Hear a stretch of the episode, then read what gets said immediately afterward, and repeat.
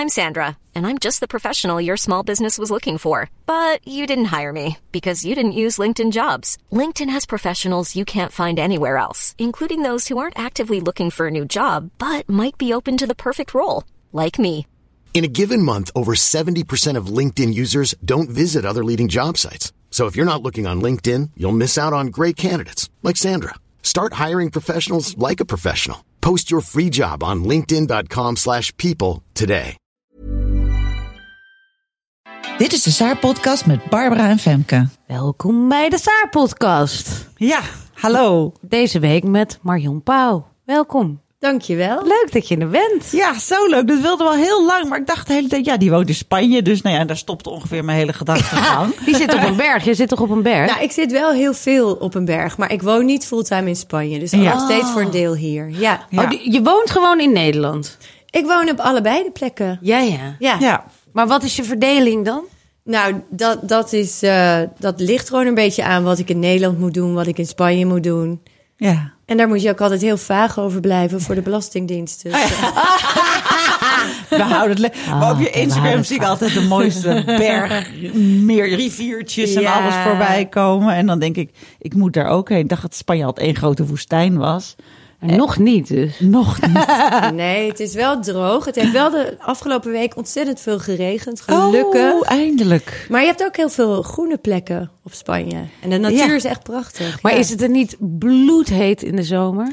Ja, in de zomer Of kom wel. je er dan juist nou, niet? dan ben ik lekker in Nederland. Ja, Ja. Ja. Ja. Ja. ja. Ja, dat is Wat goed. leuk Ja. man. Ja. Hey, om eh, eerst maar eventjes eh, met serieuze zaken te beginnen. Jij zat weer op de A12. Ik zat weer op de A12. Hoe was het? Ehm, ja, fantastisch. Heel druk. We waren met 6000 deze keer. Dat is bijna verdubbeling. Dus eigenlijk steeds Wauw. in de drie keer dat ik nu heb meegegaan, steeds wel een verdubbeling. Ehm, dus dat is heel fijn. Het was ook heel fijn dat er waren weer waterkanonnen, maar de zon scheen. Dat is toch een stuk prettiger Ja. dan wanneer het dat twee zag graden is. komen. Ja, ja.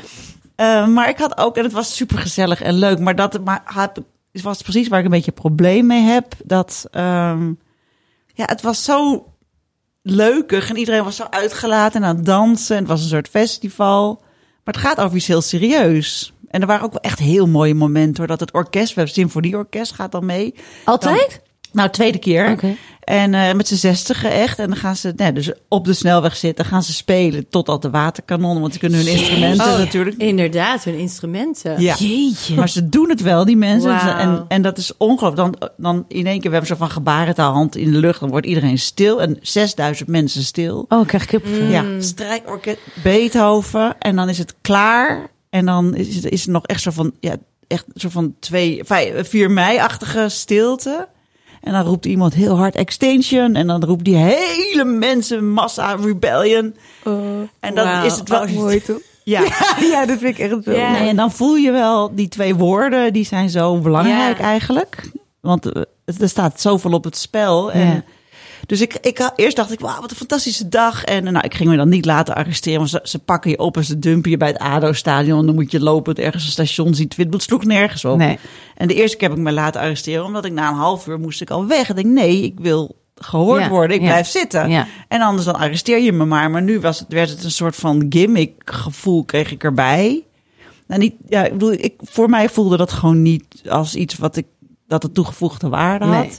En ik denk ook wel steeds meer van ja, ehm, ik wil wel serieus iets doen voor het klimaat. Ik blijf komen.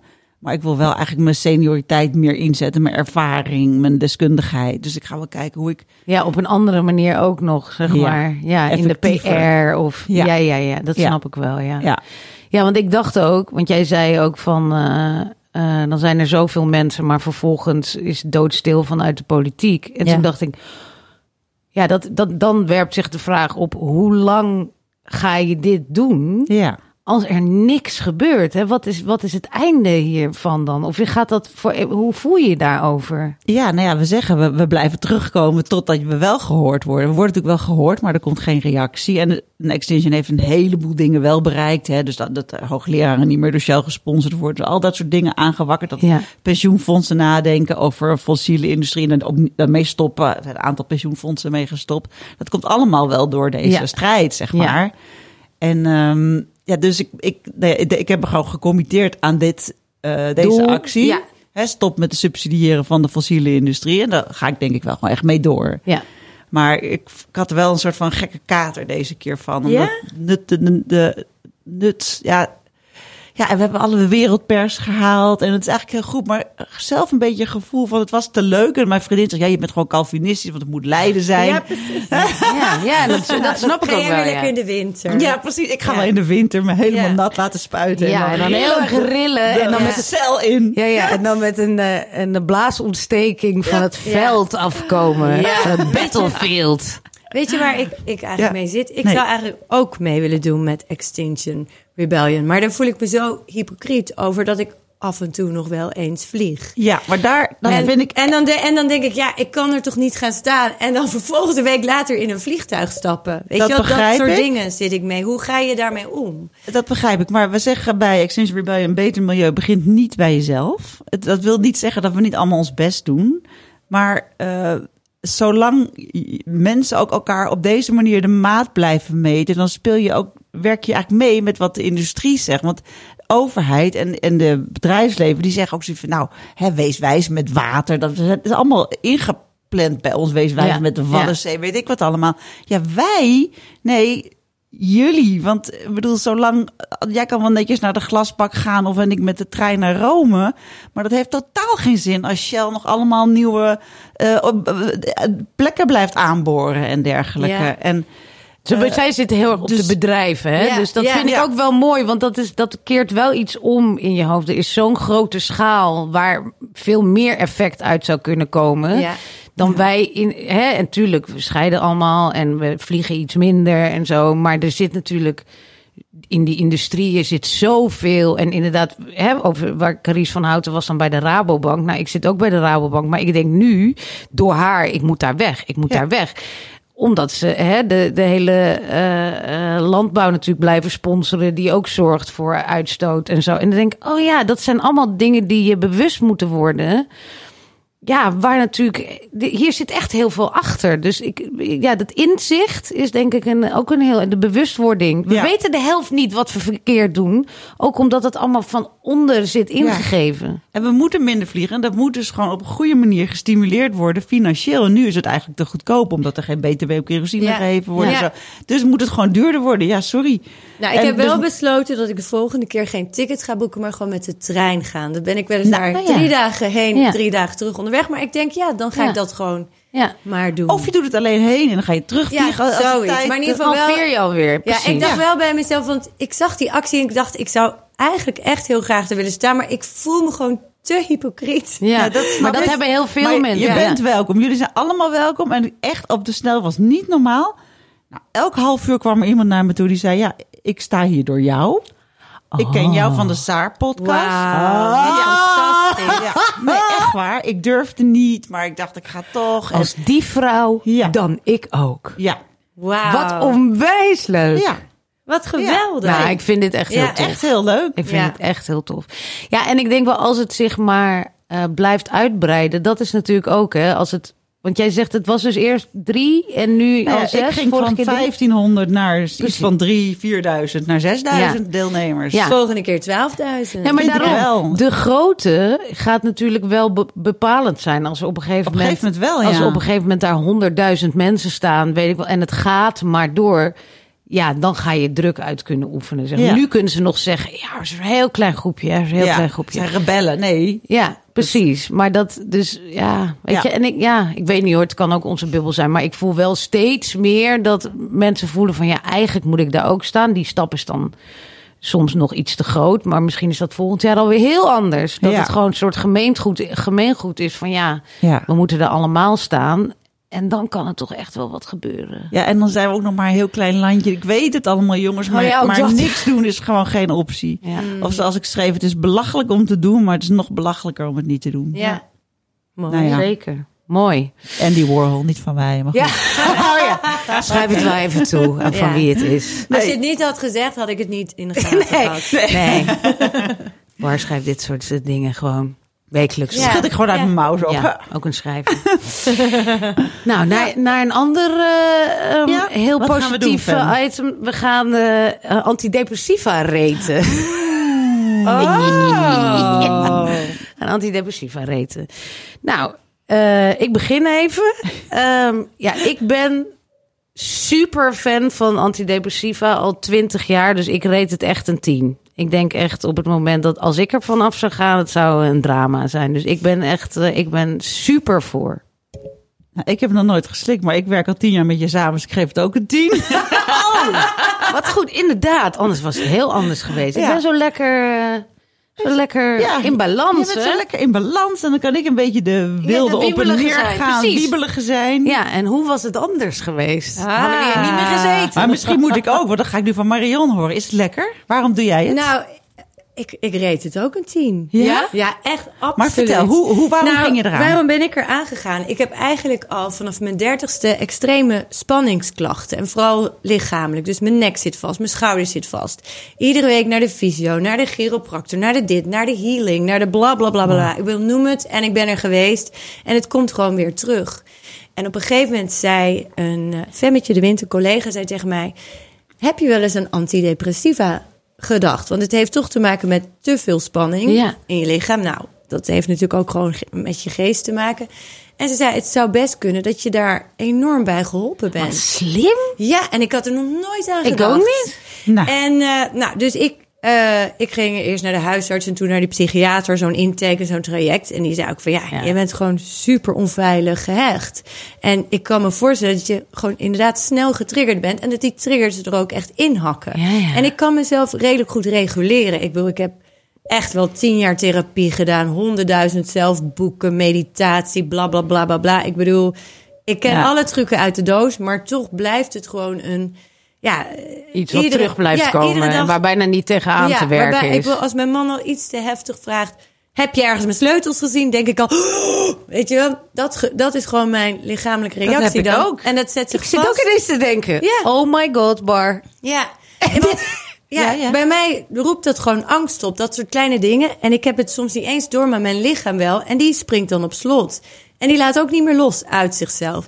Dus ik ben toen in september begonnen. En ik heb eerst twee SSRI's gehad. Nou, dat was een drama met enorme bijwerkingen. En ik liep echt als een soort zombie rond. Of Oh ik was helemaal hyper. Of weet ik veel wat. En toen ben ik in per januari begonnen met amitriptyline. Eigenlijk gewoon een soort basis antidepressiva uit de jaren 60. Het is net Precies, ik wou net zeggen, want die Ja. SSRI's heb ik. Die Ja. moeten lichter zijn nou, eigenlijk maar dan daar amitriptyline. eerlijk gezegd helemaal niks van. Oh, want grappig. amitriptyline is hetzelfde als aspirine. Dat kan niemand claimen. Dus die farmaceuten kunnen daar geen Ah, merknaam neerzetten en er geld aan verdienen. Dus niemand verdient daar veel aan. En ja, ik begon het te slikken en gewoon eigenlijk had ik nauwelijks bijwerkingen. En gewoon bijna binnen twee, drie dagen dacht ik gewoon, hè, gewoon Nou, zeg. relaxed. Ja, het is gewoon echt waar. En nu voel ik nog steeds natuurlijk wel eens een trigger. Maar grappig is dat ik me nu er bewuster van ben. Dat ik denk, oh wacht even, ik schrik hier een beetje van. En dan adem ik gewoon even drie keer zoals ik dat allemaal al jarenlang heb geoefend. En poef. Ja, en nu helpt dat ook dus mee, ik- zeg ik- maar. Ja, dus ik merk dat ik nu dingen kan verwerken. In plaats Ja. van dat het ding zich vastzet in mijn lichaam. Wauw. Ja, dus ik ben heel blij met die. Oh Ik vind het ongelooflijk. Ja. Maar het is inderdaad, Ja. als ik haar verhaal hoor, dan denk ik ook een beetje aan jou, ja. Ja, dat heb ik ook. Ik, bij mij schiet het ook. Ik heb nu weer een schouder die niet meer recht wil. Nou, Ja, ja, Interessant. Ja, want, want je lichaam, ja, daar slaat, dat slaat natuurlijk de spanning op. En soms Ja. heb je het met je hoofd niet eens door wat er eigenlijk gebeurt. En denk je, oh, ik zit helemaal vast. Wat is er in godsnaam aan de hand? En dan kan je niet eens terug. Dan zeggen mensen, ja, wat heb je gedaan? Heb je een rare beweging ja, gemaakt? dat. Ja, nee. Nee, nee, nee, Nee. Ja, mijn man was de sleutels kwijt vanochtend. En toen, toen is het erin geschoten.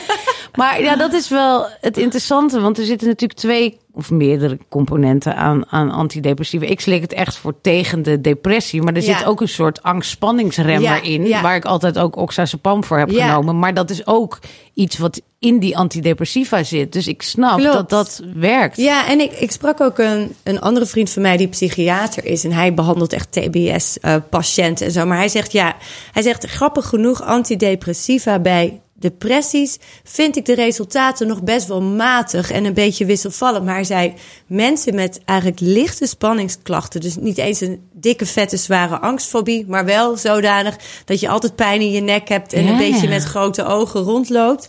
Hij zei, voor die mensen werkt de lichte dosering fantastisch. Ja. Volgens mij vertelde Suzanne dit ook, of niet? Die heeft hier ook in de podcast eh, iets verteld over die spanningsklachten. En dat ze daarom dit is... eh, goh, Heb je ze bij, heb je ze bij je? Welke Suzanne? Suzanne Redhans, volgens Oh mij... ja, eh, ja, ja. Zij, ja zij, zij slikt. Ik heb ook wel eens met haar over gesproken. Zij slikt Ja, venlafaxine. fen- fenlaxine. Dat is, ja, dat is ook Ja. een SS.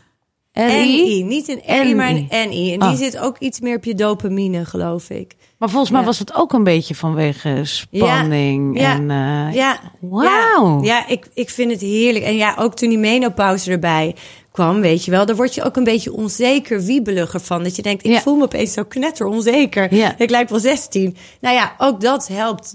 Daar helpt Nou, dus ja. ook dat ding enorm. Moet allemaal aan de antidepressiva. Ja, en nog één ding. allemaal. Vergeet die hormonen. Waar kan ik Pillenhormonen. ze krijgen? Waar kan ik die krijgen? Ja, maar ik merk zelf dat gewoon mijn energie met het sporten is gewoon beter. Want ik wandel elke dag als ik in Spanje ben, begin ik de dag met een enorme bergwandeling. En die is echt pittig. En ik merk gewoon, ik ga gewoon fluitend die bergen over. Omdat, ja, Omdat heb- het lijf weer... om, ja, omdat mijn lijf niet meer, niet meer verkrampt is, maar Ja, ja. gewoon ontspannen is. Maar ja, dus daardoor heb je ook meer energie. Ja. nou, Ja, dus zeg. ik reed het een tien, jongens. Nou, maar ik zou wel zeggen van... eh, ga wel in therapie en ga wel natuurlijk je dingen uitzoeken. Ja, ik bedoel, ja. het is niet een labmiddel, maar het Ja. is wel een fijn duwtje in, Ja. in een kleine Dat is het natuurlijk altijd, hè, lieve mensen. Het is altijd de combinatie van En lees de medicatie bijsluiter. en, en, en therapie. En daar kom je dan een eind mee, inderdaad. Ik bedoel, Ja. het gaat niet alles oplossen, maar ja. Nee, nee, maar het helpt je gewoon wel net. Het is net dat kleine duwtje Ja. in je rug. Ongelooflijk. Ja. Ik ben helemaal...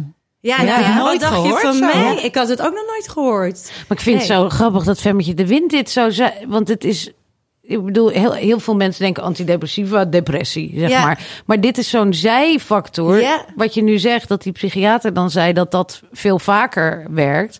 Ik weet ook nog wel, mijn vader eh, kreeg heel erg hoofdpijn na zijn pensioen. Volgens mij was dat ook een beetje alle spanning van het werkende leven die eruit kwam. En hij begon heel veel situaties eh, terug te halen. Hij was psychiatrisch verpleegkundige, dus had best wel wat dingen Zo, meegemaakt.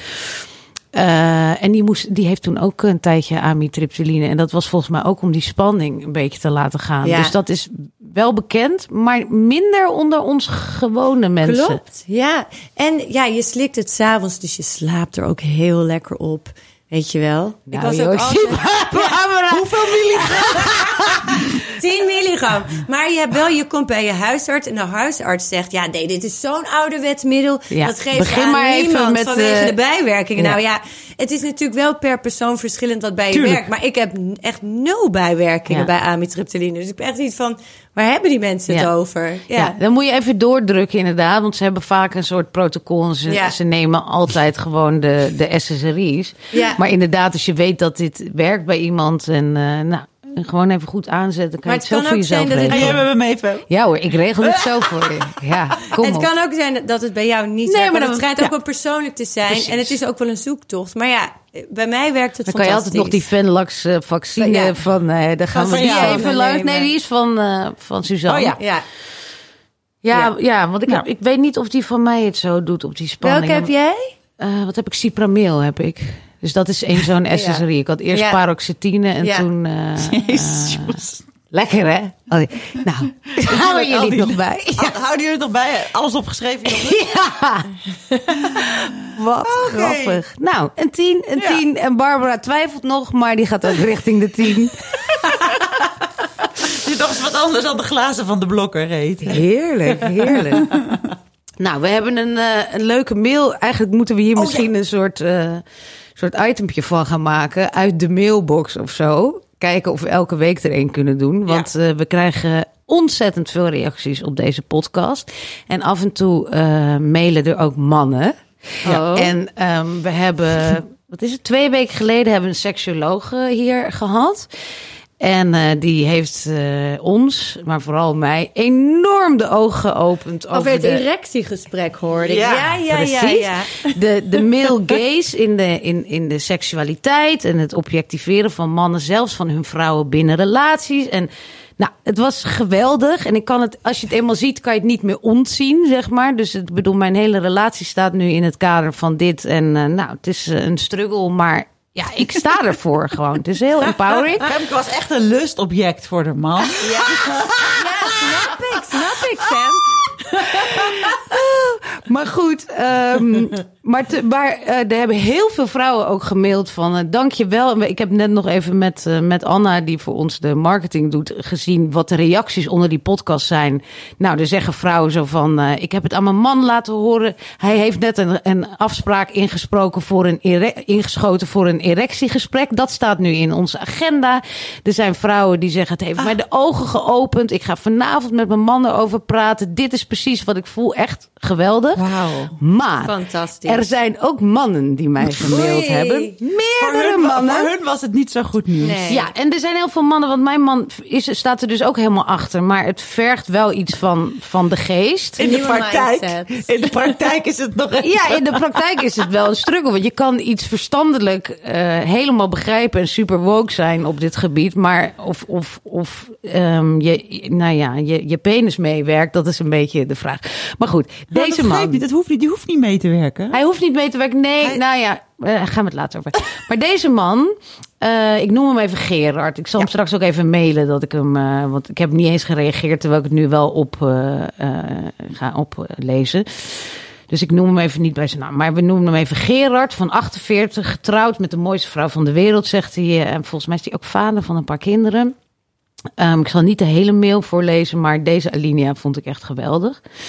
Eh, want hij zei dus eerst van hoe geweldig hij onze podcast vond. Aflevering 62 vond hij heel geweldig. Maar aflevering 63 met de seksuoloog heb ik echt met toenemende verbazing geluisterd. Als deze dame vrouwen moet helpen met hun partnerseks, dan biedt dat weinig goeds voor de dames. Wellicht een andere seksuoloog uitnodigen. Eentje die niet bang is voor mannen en ze niet ziet als onveranderbare, lustgedreven seksmaniakken. Ik probeer er een analogie voor te vinden. Een tennis-dubbelcoach die alleen maar één speler kan coachen. Een danscoach die alleen maar één partner kan leren dansen.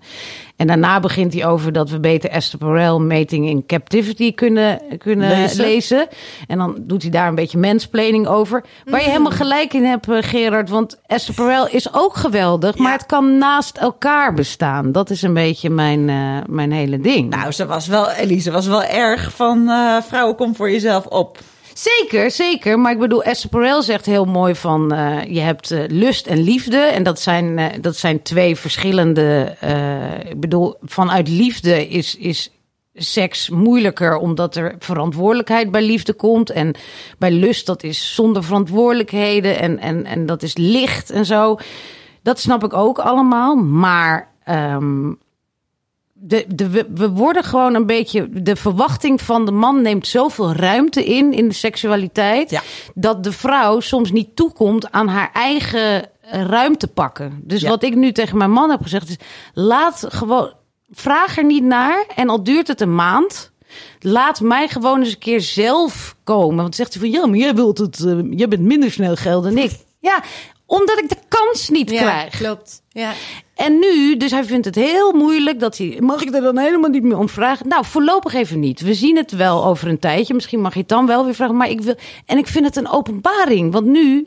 Ik bedoel, inmiddels heeft hij het alweer twee keer gehad. omdat ik er zelf zin in had. Maar vind, ik- Hey. dat vind ik echt heel tof. Dat, ik dan, dat ik dan denk van. Oh, nu heb ik er zin in. Zonder dat hij tegen me aankomt liggen. En dat ik denk van. Oké, nu moet ik omdraaien. Want er is een stijve penis. Weet je, nee. Laat mij gewoon even het vanuit mij laten komen. Dus die ruimte, ik vind dat gewoon heel, heel goed hoe Elise. eh, Ja, Ja, dat geleerd heel goed. heeft. Ja. en het werd er toch ook beter van? En het wordt er Als, ook het van, beter als het van jou komt. Precies. En eh, wat ik ook heel grappig vind. het is zo goed dat mijn man deze podcast niet luistert. Ik denk Wat- dat hij dit misschien maar beter niet kan doen. Nee, maar wat, maar wat ik ook gewoon heel. eh, waar ik ook altijd beetje tegen was, was dat ik, eh, dat ik dacht, hè, dat- dat zeggen wel vaker seksuologen, van je moet aangeven wat je wil. En dan dacht ik altijd, ja, ik vind dat niet geil. Ik wil gewoon dat het vanzelf Oh, eh, ja. zo gaat. Weet Ja. je, dat de passie ons daar brengt. En, eh, hè? Nou, en, en, maar zij had het daar ook weer over, van je moet dat aangeven en zo. En daar ben ik dus nu ook, ik bedoel, ik ben fucking 43 en ik heb een hele grote bek, maar kennelijk kon ik dat niet goed genoeg. Ik ben dus nu ook heel goed aan het zeggen, nee zo, nee langer, nee, nee. Weet je zo? Nee, maar dat is empowering, jong. Maar waarschijnlijk vindt je man dat ook heel erg leuk. Hij vindt het geweldig. Want Ja, zegt hij, oh, het- maar ik wist dat helemaal niet. Dus jij wil een beetje het heft in ja. eigen hand houden. Ja, dat is eigenlijk niet zo gek, want ik wil altijd het heft in eigen hand houden. Maar dat deed ik dan niet tijdens de seks. En, nu is, en dat vindt hij dan super fijn natuurlijk. Weet je, dus het is, nou ja, ik Ja. voel me herboren. Nou, ik Nou, vind het zo moedig. Ik vind je het zo straalt goed. ook helemaal. Ja. Je huid ziet er goed uit. Ja, dit is echt geweldig. Dus, eh, dus Gerard... ehm, Bedankt nee, voor de- ja. Ja, ze, ze is echt heel goed. En, en, en ik- ja, ik bedoel, ik snap dat jij dacht dat ze een, eh, een, een mannenhater was. Maar ze zet even de vrouw op één. En dat is misschien nodig nadat de mannen eh, heel lang die eerste plek hebben ingenomen. En we kunnen heus wel weer komen tot, een, tot samen. Maar ik neem nu even die eerste plek in totdat we samen zijn. Perfect. Heel goed. Heerlijk! Power to you. Ja. Oké, dan hebben we nog een fragment. Namelijk van eh, Stella Bergsma. En dat, eh, dat gaat over het strak trekken van lijven. Dat is eh, heerlijk. Vooral vond ik dit heel grappig, omdat Stella Bergsma best wel een feminisme, feministe is en zo. En ik dacht, wow, die gaat dit nooit laten doen. Maar super grappig. Ja, heel goed. En dan nu een kwartslag draaien. Ik sta in mijn onderbroek tegenover een groot fotoapparaat. Op de grond is een cirkel met cijfers aangebracht. Met je voeten naar de zes. Zo ja, zegt de behandelaar. Hij drukt een paar keer op een knopje. Uiterst vriendelijk is hij. Toch ril ik. Ik voel me kwetsbaar en koud. En dat terwijl ik zo bevroren ga worden. Althans, mijn buik dan. Ze gaan mijn vetcellen bevriezen. Die schijn je daarna zo uit te piezen. De behandelend arts heeft met behulp van een plastic beugel en een merkstift al heel kunstig op mijn pens gepenseeld, wat er straks op ijs gezet gaat worden. Wauw. Dan is de fotovernedering klaar en krijg ik slofjes aan en een ochtendjas. Of ik koffie wil, iets anders misschien. En uiteraard, slanke stagiaire begeleidt me een trap op.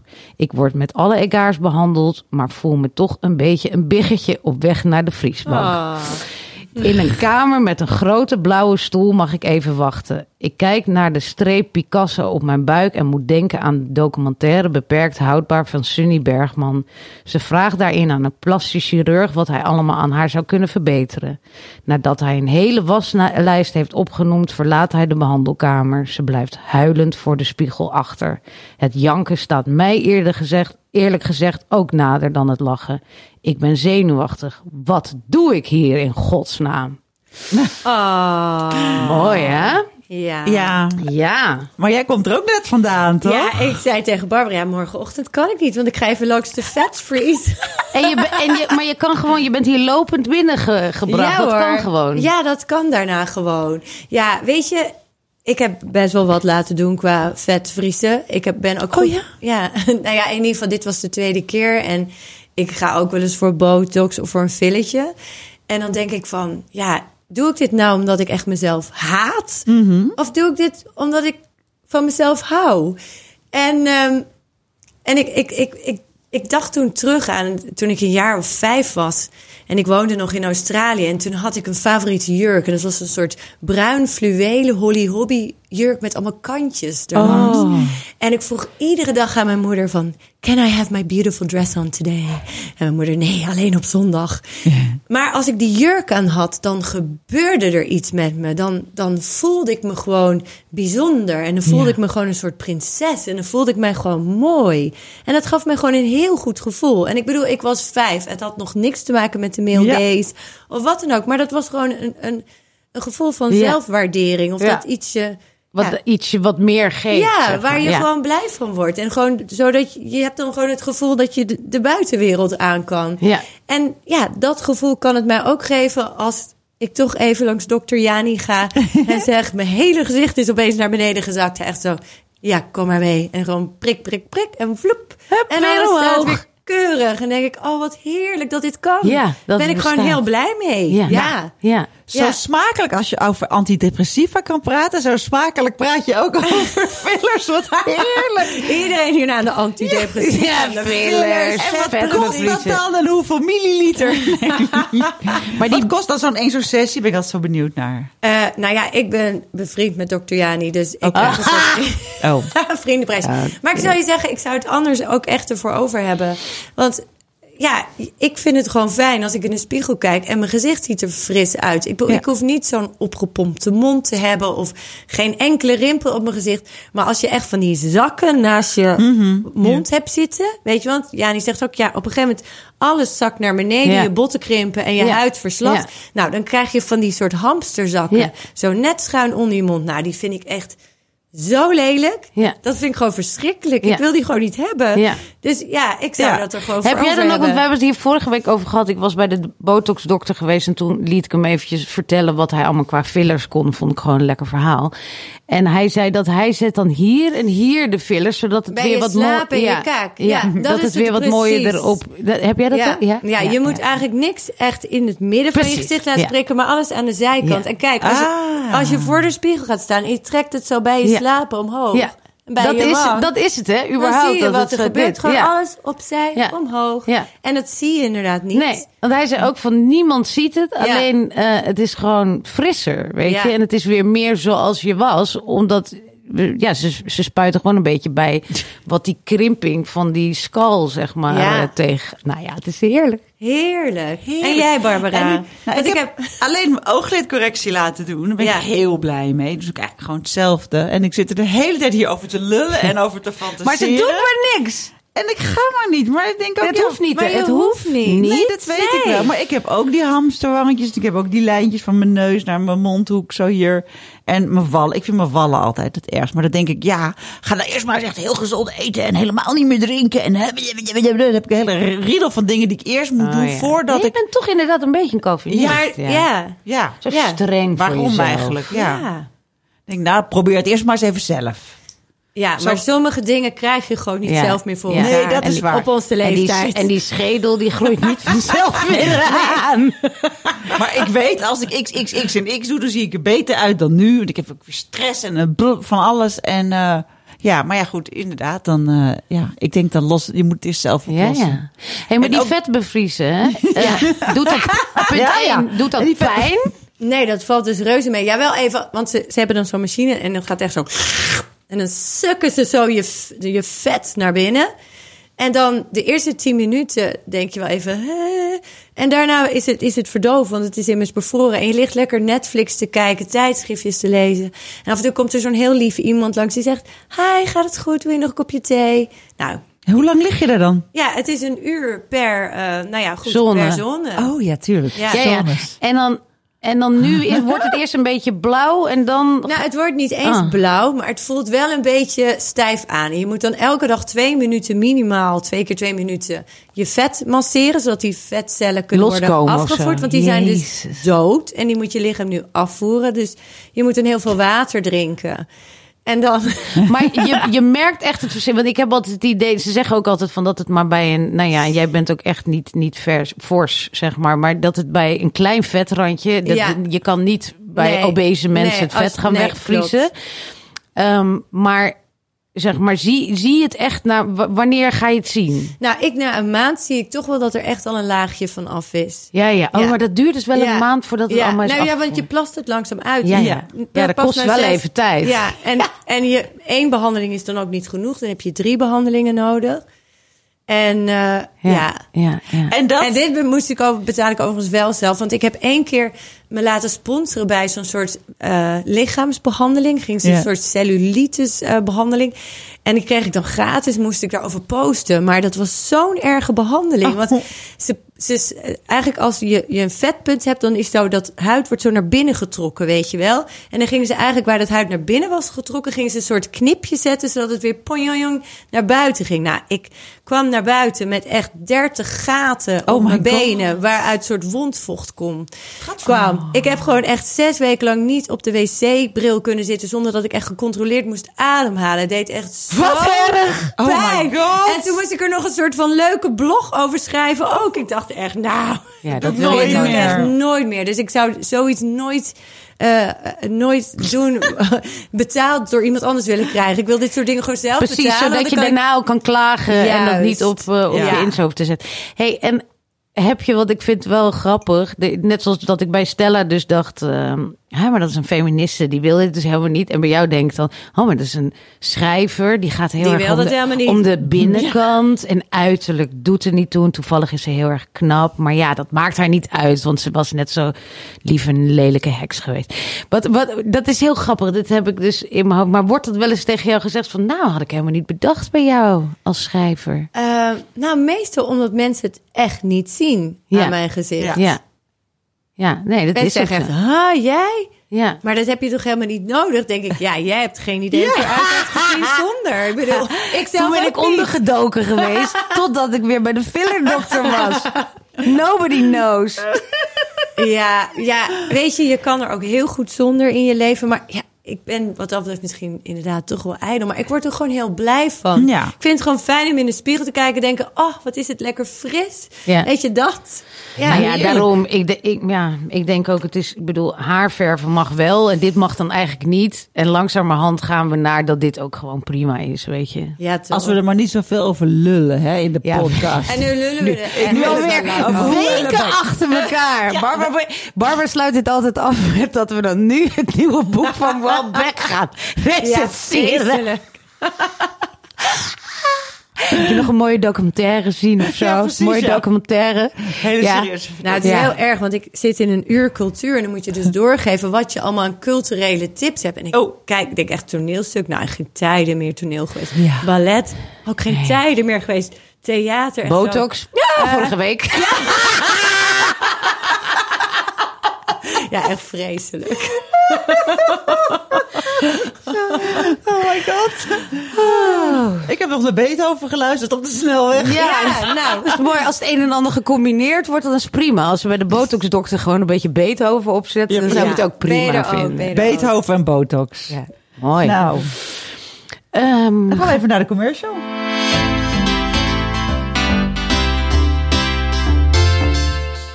Ja, jongens, we hebben iets heel nieuws. We hebben een dubbeldik zomernummer gemaakt voor het eerst. 172 pagina's boordevol drama, seks en humor. Heel veel verhalen over de liefde. Mijn eerste zomer op Tinder, waar het dus eigenlijk best wel heel leuk was. We dachten dat het vreselijk was, maar nee, onze redactrice ging op ons verzoek op Tinder en ze heeft het er fantastisch gehad. Eh, stellen die gaan lekker trippen in hun recreatiewoning. Geschreven door een van onze redacteuren die doodsbang is voor drugs. Maar een verhaal schrijft over eh, haar vrienden die dus helemaal geweldig vinden. En dat in hun chaletje op de Veluwe samen doen. Eh, gedumpt voor een ander en toch weer samen verder. Heel mooi verhaal over een relatiecrisis. Wat heel lang geduurd heeft, maar die mensen zijn heel mooi weer bij elkaar gekomen. Eh, onze Cindy, single tijdens de zomervakantie, dat blijft gewoon kloten. En help, mijn man lijkt wel bejaard en hij wil eigenlijk helemaal niks meer. Verder hebben we een interview met Astrid Joosen. Daar zijn we echt heel trots op. Super, super mooi verhaal. Ze staat ook op de cover. Ehm, we hebben een heel leuk verhaal over vrouwen die al hun hele leven stewardess zijn. En die er geen genoeg van kunnen krijgen. Ze zeggen echt, je moet mij met een rollator weer eruit eh, uit het vliegtuig trekken. Eh, de echt superleuke, mooie, bijzondere terrasjes in zomer hebben we. In, in Nederland hebben we. Eh, de terrasjeszomer heet dat. En een heel raar verhaal over slapend rijk worden. Ja, dat kan dus met een paar hele handige online trucjes. Heel grappig verhaal. En eh, ja, eh, mam, gaan we dit jaar naar Ecuador, Costa Rica of Bali? Nee, we gaan gewoon drie weken kamperen. Nou, dan willen ze dus niet meer mee. En een heel mooi verhaal. Jongens, waarom 50 dus ronduit kut is, maar 60 wordt dus weer helemaal top. Nog een paar jaartjes bloed, zweet en tranen dus, inclusief opvliegers. Nou, hij ligt over twee weken in de winkel, maar dus als je nu een abonnement neemt, dan krijg je deze nog opgestuurd. Als je te lang wacht, dan dus niet meer, want dan moet je hem zelf los gaan kopen. Dus neem nu een abonnement op Saar Magazine. Ga naar saarmagazine.nl slash abonnement en dan mis je het zomernummer niet.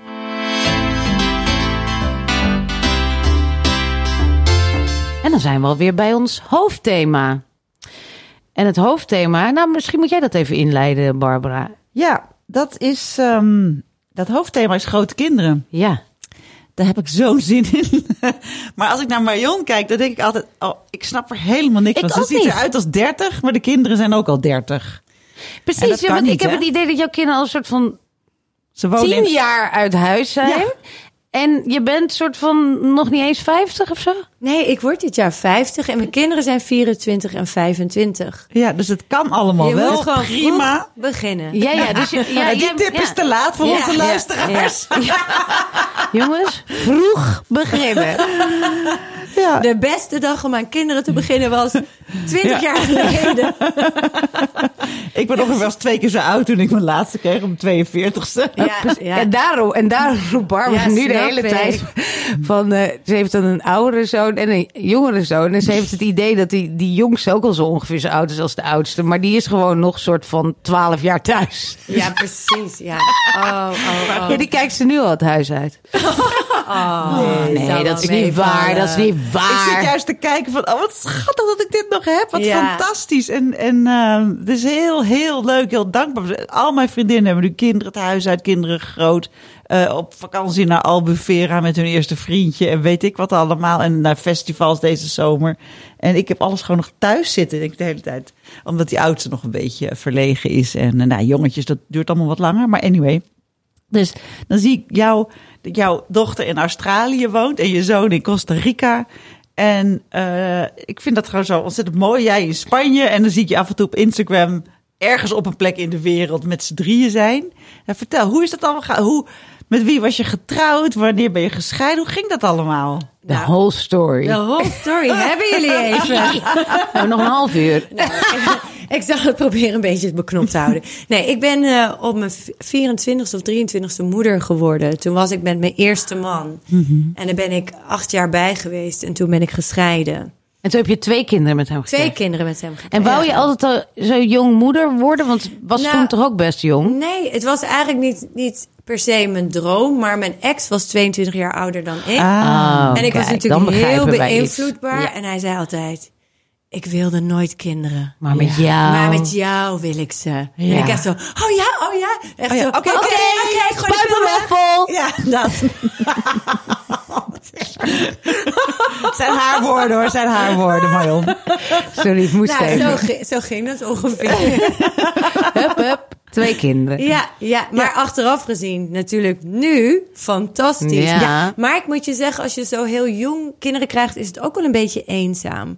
Want ja, mijn vriendinnen waren allemaal nog uh, Waren nog lang niet aan toe, en aan het ja. reizen. En ik zat, zat, zat met, met tepelkloven op de bank. Ja, ze begrepen er niks van. En alleen aan de rand van het zwembad. En al die andere moeders, die waren toch allemaal zeker wel 8, 9, 10 jaar ouder. Die keken me ook altijd een beetje argwanend aan. Ja, zo'n Van, wat kindbruidje. Dat, dat, hup- ja, dat huppelkutje.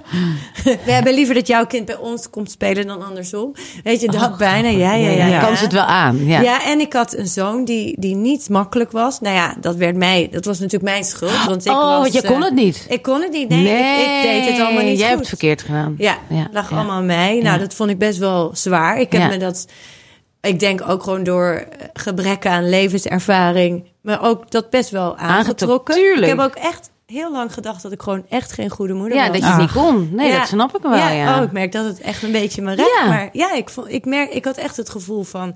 Ik kan het kennelijk niet Nee. of ik doe het niet goed Nee. of wat dan ook. Ik ja. snap het helemaal. Ja, want jullie hebben allebei zonen met hetzelfde soort... ehm, Met eh, rugzakjes. Met rugzakjes. zoals dat zo leuk ja. heet. En, ja, maar ik vind dat echt. Ik bedoel, wij dachten ook in het begin, en ik was 33, dus ik was inderdaad tien jaar ouder dan jij. Van, hè, we gingen eerst naar de opvoedpolie, omdat Ja, we dachten, ja. wij kunnen dat kennelijk niet en anderen kunnen het wel. Dus het wordt ook eerst best een tijd bij je neergelegd. Hè? Want ze zeggen niet vanaf twee, hij heeft autisme of zo. In het Nee. begin is het zo van, nou, het is wel een draak van een kind. Misschien moet je wat strenger Ja, zijn. misschien moet je hem in de naughty corner zetten. Wat Precies, vaker. dat was het. Dat. Het strafstoeltje. Nou, Ja. ik, bedoel, bij anderen zag ik dat twee keer gebeuren. En ik zat dat twaalf keer per dag te doen. En het had geen enkel nee, nut. Nee, nee.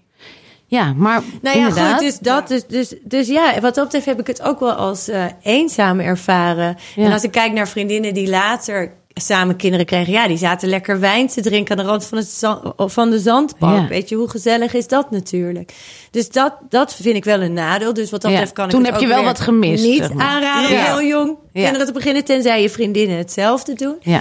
Maar, eh, maar wat, wel, wat wel denk ik een voordeel is, is dat ik ook een beetje met hun ben opgegroeid. Ik denk als ik nu moeder zou worden, ook met alles wat ik nu weet en alle therapieën die ik heb gedaan, zou ik gewoon veel te veel op hun welzijn zitten en zeggen: Ben je wel echt gelukkig? Ja, ja. En, en gewoon Ja. Te, te bewust zijn van alles. En ik denk dat het ook wel fijn is om niet al, al te veel echt bovenop je kinderen te zetten. Laat ze ook maar gewoon een beetje aanmodderen. Ik denk dat dat niet. Liefdevol verwaarlozen. Ja, precies. Dat, ik, denk, nou, ik denk dat ik Gewoon dat zelf uit laten zoeken. ja, ik denk dat ik dat eh, onbewust heel bekwaam heb gedaan. ja.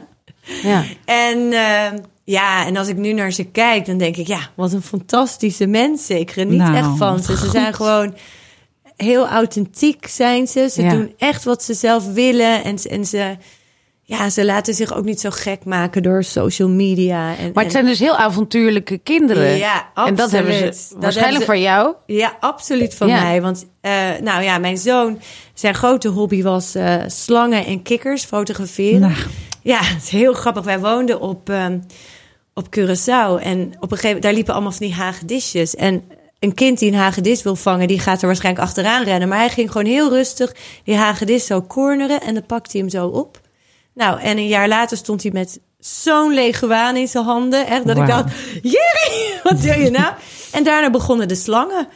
En op een dag kwam hij thuis, zei hij, mam, en we- toen woonden we op Aruba, ik heb een ratelslang in deze kussensloop zit. Ik echt zo, "Huh, ga, Waarom? ga hem weer vrijlaten.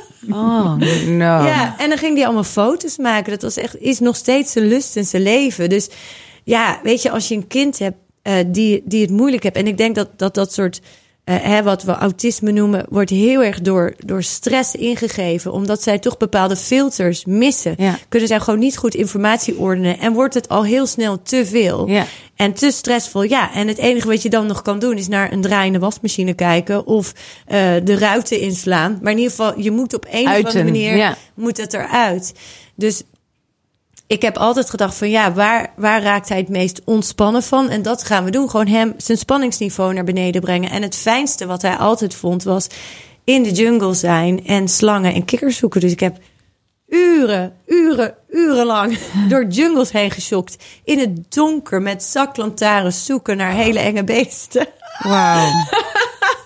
Ja, Wauw. ja. Ongelooflijk. Ja, ja, maar ook heel leuk. Ik Ja. bedoel, het heeft me ook enorm zelf verrijkt. Als Ja, toch? Ja, en Natje, mijn dochter, zei, wat hij heeft met slangen, heeft zij met de oceaan en vissen en walvissen en, en noem maar op. En zij is eh, kapitein geworden op een boot. Nee, joh. Ja, echt waar. En zij, zij vaart nu met toeristen. Nou, Eh, zeg. vaart ze en dan gaat ze met hun duiken. Dat is nu haar zeg. ding. Ongelooflijk, Ja. hè? Wat Ja. leuk. Ja. En wat doet hij in, in Costa Rica dan? Wat, Nou, hij, hij heeft daar een vriendin, Ja. Ashley. Echt ook, en haar hobby is dus ook het fotograferen van slangen en kikkers. En ze hebben elkaar ook ontmoet. Op een forum. Precies dat! Ja, dat kan haast niet anders. Wat leuk. Ja, ja, en zij, ja, zij zijn echt. Het was even uit tussen hun, want ze wisten gewoon niet hoe ze verder moesten, omdat ze allebei zo jong zijn. En ja, hun leven bestaat nu uit geld verdienen en sparen om weer bij elkaar te zijn. Ah, ze wonen helemaal Ja, apart. ja, want hij, hij kan daar niet werken, zij kan hier niet werken. Dus ze moeten dat op een of andere manier zien te regelen. Maar toen was het na een maand uit elkaar, zeiden ze nee, we moeten toch weer, wij zijn gewoon voor elkaar gemaakt. Oh. Ja, heel lief. Want zij woont op Costa Rica en hij woont hier. Ja, en dat klopt. gaat heen en weer, Ja, zeg maar. Ja, ja. ja. En, en wat doet... Want doet hij dat fotograferen ook voor zijn werk? Of, Nou ja, eh, dat zou hij wel heel graag willen, maar dat is natuurlijk heel dat moeilijk. is super moeilijk, Heel toch? Om daar geld mee heel te verdienen. specifiek is. Ja. De markt voor slangen en kikkerfoto's is niet enorm. Maar dat is, dat is Er is maar één National Geographic. ja, precies. Deze slang hebben we al. Oh, oké. Ja. Oh, jee. Nou, dit klinkt echt... Ja, dit is helemaal wat ik met mijn zoon voel. Ik, nou, ik ben gisteren met hem eh, schapen gaan voeren. En dat doen we dan ook gewoon, zeg maar, een uur of zo. En dat, dan denk ik, ja, hier wordt hij gewoon het blijst van. Weet je, gewoon een beetje bij zo'n schaap staan. En een beetje, dus gaat hij dan Engels tegen praten, omdat hij te veel YouTube kijkt. Dus gewoon vloeiend Engels praten. En dan gaat hij, gaat hij tegen die schaap Engels praten. En dat vind ik Oh, gewoon super grappig. gezellig. Ja, maar wat heerlijk. En dat soort dingen. Zo belangrijk dat je, dat je zoveel mogelijk van dat soort dingen doet. Want anders zit je alleen maar ook met hem in die stresssituatie. ja, Ja. ja. Ja, en dan kan jij zelf ook niet meer genieten van Nee, daarom. En Dus- niemand heeft daar wat aan. Dit ja. is weer heel goed dat je dat zegt. Dat je Ja. moet naar dat positieve eh, kijken. En er zijn genoeg dingen. Maar je wordt zo gedicteerd door de wereld die Ja. dingen verwacht. Dat als je daar afwijkend van bent, dan moet je dus toch een beetje een eigen programma Ja. gaan maken. Ja. Wat jij dus ook uiteindelijk gedaan. Want Ja. jouw zoon is toen op Aruba gaan ja, wonen, toch? Ja, ik had altijd het gevoel van we zijn gewoon een rondje door het vierkantje van de blokkendoos aan het duwen. En het gaat gewoon niet, weet je wel. Oh, Ja, mooi gezegd. schoolsysteem. Ja. Ja. Ja, en een op- rondje door het vier. Ja, dat gaat dus niet. En op een gegeven moment, hij zat op speciaal onderwijs. Nou, toen was het daar weer. Weet je, dan ging het een tijd goed. Dan had hij een leraar die hem begreep en dat klikte. En dan had ik zoiets van yes. En dan kwam er opeens een, eh, ook Een gewoon nieuwe. bijvoorbeeld een stagiair. En Oh, die ja. ging dan lesgeven. En dan ging die leraar zelf eh, mensen apart eh, begeleiden. Nou ja, en dan ging het gewoon weer helemaal mis. En op een gegeven moment was er ook weer een incident. Hij had volgens mij de, de voordeur van de school ingeschopt of zo, weet je ook. Ja.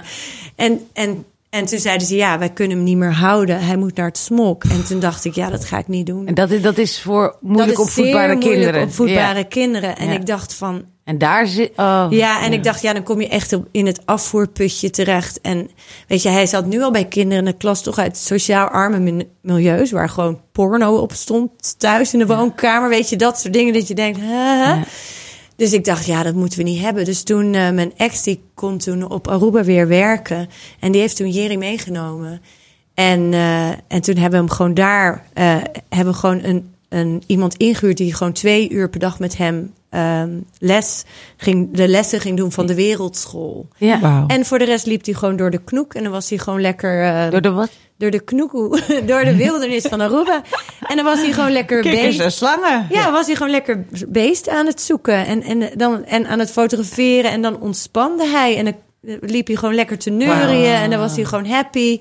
Want ja, dat sociale aspect van die school, dat vroeg zoveel voor hem. Dat waren gewoon zoveel triggers. Hij kwam aan het leren helemaal niet toe. Ja. En ehm, dat gezegd hebbende is hij nu echt... Ik, ik ben soms zo dankbaar als ik naar hem kijk, denk ik... "Oh, hij is zo goed opgedroogd. Hij, het is, gaat zo goed met hem. Het is gewoon zo'n heerlijke jonge man geworden. En hij is... Ja, ik ben echt zo blij dat, dat het zo goed met hem Ja, gaat. en dat hij zijn weg heeft weten te Ja, vinden. Dat, het dat, is gewoon een super lekker ding. En hij is gewoon heel nuchter, weet je wel. Hij, hij- ik leer ook heel veel van hem. Hij is ook heel vierkant. En hij, hij, hij heeft gewoon een hele nuchtere benadering voor allerlei dingen. Weet je, dan ben ik weer met hem op vakantie. En dan kijkt hij me echt zo aan en zegt hij... Mam, niet iedereen hoeft je vriend te zijn. En denk ik... Oh, zit ik me weer uit te sloven naar alles? Oh, ja. Oh, ja. ja, je hebt gewoon helemaal gelijk. Ja. Weet je wel, dat soort dingen. Het is zo grappig. En wat voor soort werk doet hij dan? Want hij heeft ook heel Eh, beperkte opleiding, maar... Nou ja, niet? nee, hij heeft uiteindelijk heeft hij grafisch eh, lyceum heeft Zo, hij afgemaakt en eh, en nu werkt hij. Ja, ik ga maar even gewoon niet zeggen waar Nou, vanwege zijn privacy. Want ja. opeens bedenk ik me van, ik zit best wel veel over hem te vertellen. Ja, laat het nou en maar. het is niet zijn keuze dat ik dat zit te vertellen. Dus nee. ik denk nu bij mezelf, oeps. Nee. Ja. Eh, nee, daar gaan we het verder niet over Helemaal hebben. goed, ja. Maar hij doet het fantastisch goed. En eigenlijk, ja. Maar ik vind dit echt een prachtig van. Ik vind het ook heel mooi dat je deelt. Want ik bedoel, er zijn eh, veel mensen die hiermee eh kampen. Maar heel veel mensen hebben het er ook niet veel over. Maar ik denk. Hè, ik, ik heb een een zoon, wij vinden elkaar daarop. En het is ook altijd heel fijn om te horen dat er perspectief is, zeg maar. Ook al loop je dan vast op zo'n speciale school en, en, en in het regulier onderwijs. Maar dat het, ja, weet je, dat denk ik voor mijn zoon ook. Hij kan zoveel, het is zo'n bijzondere jongen. Alleen, nou ja, wat je zegt, dat eh, vierkantje door een rondje, dat is het gewoon. Niet Ja, iedereen ja. past in dat systeem. En het is jammer dat je niet een, een jungle in Nederland hebt waar deze kinderen dan naartoe kunnen gaan. Weet je, want Ja. ik, ik denk ook van, ik, ik, ik, ga, ik, ik ga op een alpaca boerderij in, in Australië wonen. Ik laat hem daar gewoon de hele Ja. dag alpaca's. nou, waarschijnlijk zou ja. daar helemaal top gaan met Ja. hem. Ja. Weet je, Ja. dat is, maar dat is la- lastig, want helaas heb ik geen ex die op Aruba woont. Ja, ja, ja. Nee, je moet er een vorm in vinden, maar Ja, ik vind het heel... ja. ehm, Maar het gaat vooral gewoon kijken, het weghalen van triggers en kijken waar zit de ontspanning Ja. en die opzoeken. Want het is eigenlijk gewoon een stressreactie. ja. Ja. Ja, in ieder geval in mijn ogen is zijn al die dingen die we autisme noemen, is een stressreactie. Ja.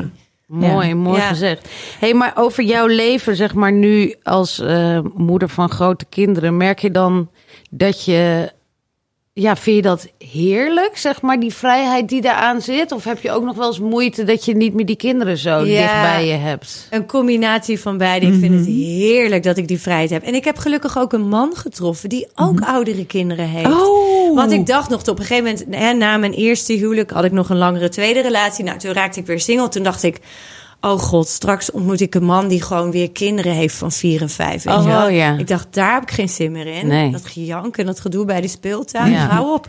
Dan moet je weer naar, Moet je naar dat zo'n, opnieuw doen, naar ja. zo'n, zo'n speelpa, zo'n indoor speelparadijs met zo'n verschrikkelijke akoestiek, weet je wel?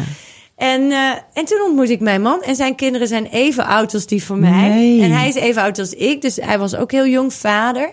Dus we, we delen dat allebei. Oh, wat heerlijk. Dus dat is echt heerlijk. Maar dat gezegd hebbende, ik mis ze wel echt ontzettend. En ik verheug me altijd zo erop om ze weer te zien. Mhm. En eh, ja, ja ik, ik, vind het, ik geniet gewoon heel erg van ze. Ik vind, vind het gewoon heel leuk om te zien hoe ze zijn geworden. Ja. Ze zijn zo...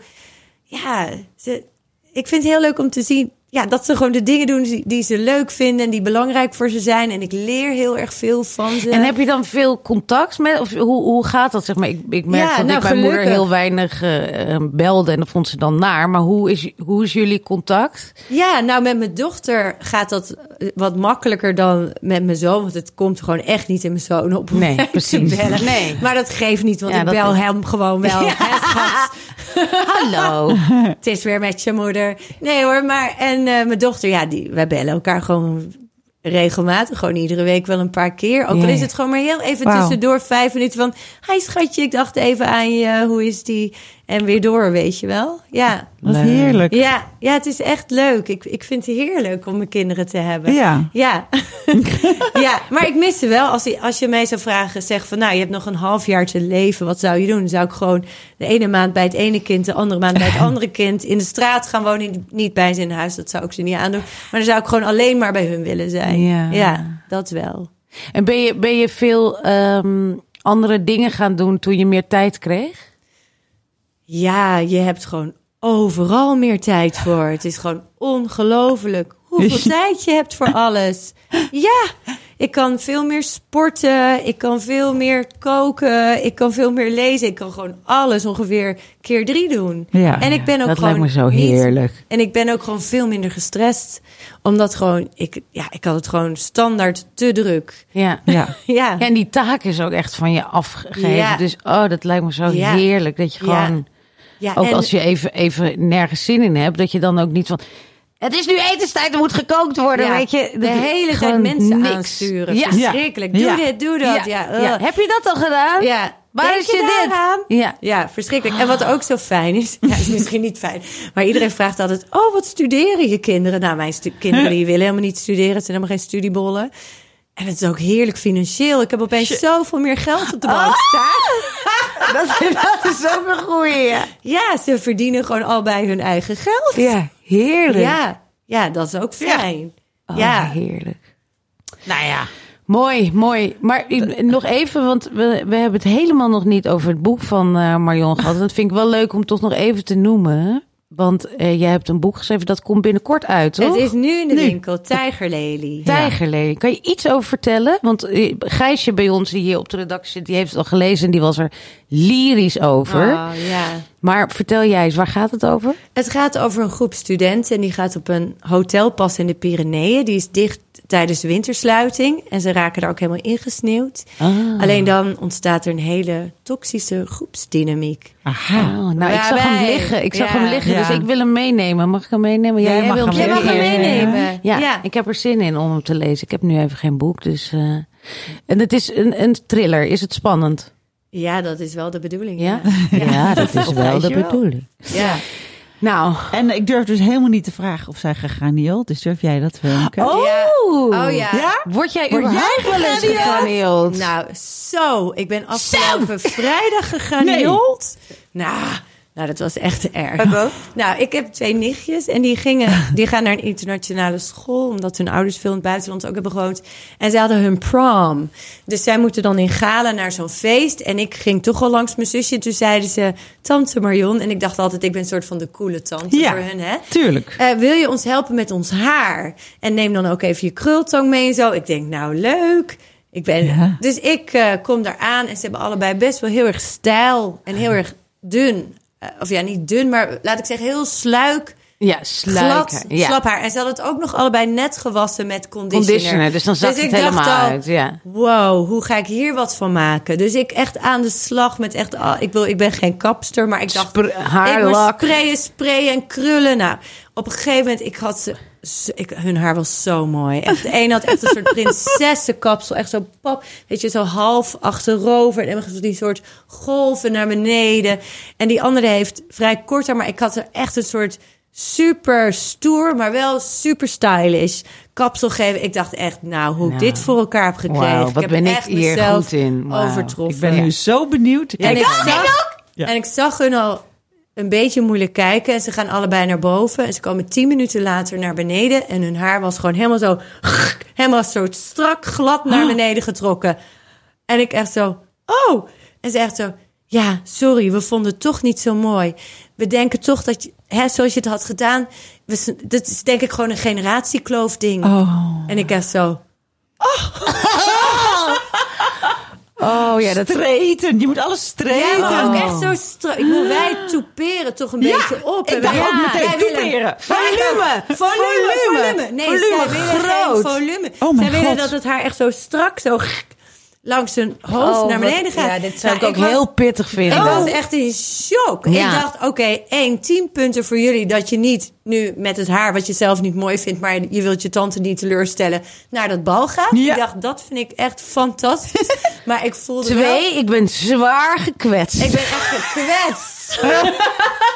En ook, het kost ook nogal tijd om dit voor elkaar te krijgen. ik Dus was ben- echt een half uur bezig met die ene. Echt met zweet onder mijn oksels. Dat ik dacht, hoe ga ik dit haar goed krijgen? Oh. Maar, maar wat ik niet helemaal snap, ze zeiden toch van neem je ja, krultang nou, zij mee? wilde het gewoon helemaal strak naar beneden. Alleen dan onderaan net gewoon een paar krullen. Dat het alleen de, de Ja, zeg ja. maar, vanaf je oren wat golf. Precies, en dat is, ik denk altijd juist van, want dat gebeurt heel snel, maar dat je, je wil hem helemaal, weet je, en dat is best ik wel moeilijk. En ik maar denk, je is wilt je generatieding. Big hair wil je toch? Ja, toch? Nee. Nee, dit, Nou, dit lijkt me Ja, echt ik heel was pijnlijk. echt wel een beetje. Oh my God. Ja. ik dacht Kapot echt, van. oké, ik voel me nu vet, vet oud. Dank je wel. Ja, ja. Nou, Nou, dat is een hele mooie gaan we Wellebeck hebben. Ja, ja, ja. We hebben het weer heel veel over uiterlijk gehad. Maar dat mochten we ook niet meer zeggen. Want Bridget zei ook, je moet niet dat heet het Oh, verontschuldigen. Dus Oh. we ownen het. Ja. We hebben het over, over, we hebben diepgang gebracht, maar ook oppervlakte. En het mag er allemaal zijn. En niemand kan zo mooi over fillers vertellen als Marion Pauw. Fillers, vet bevriezen en antidepressiva. Ik vind dat we heel veel tips hebben meegekregen. ook. Goed, doe er je voordeel mee en tot volgende week. En bedankt Marion Pauw. Nou, leuk dat ik er mocht zijn. Yes. Dankjewel. Doeg. Doeg.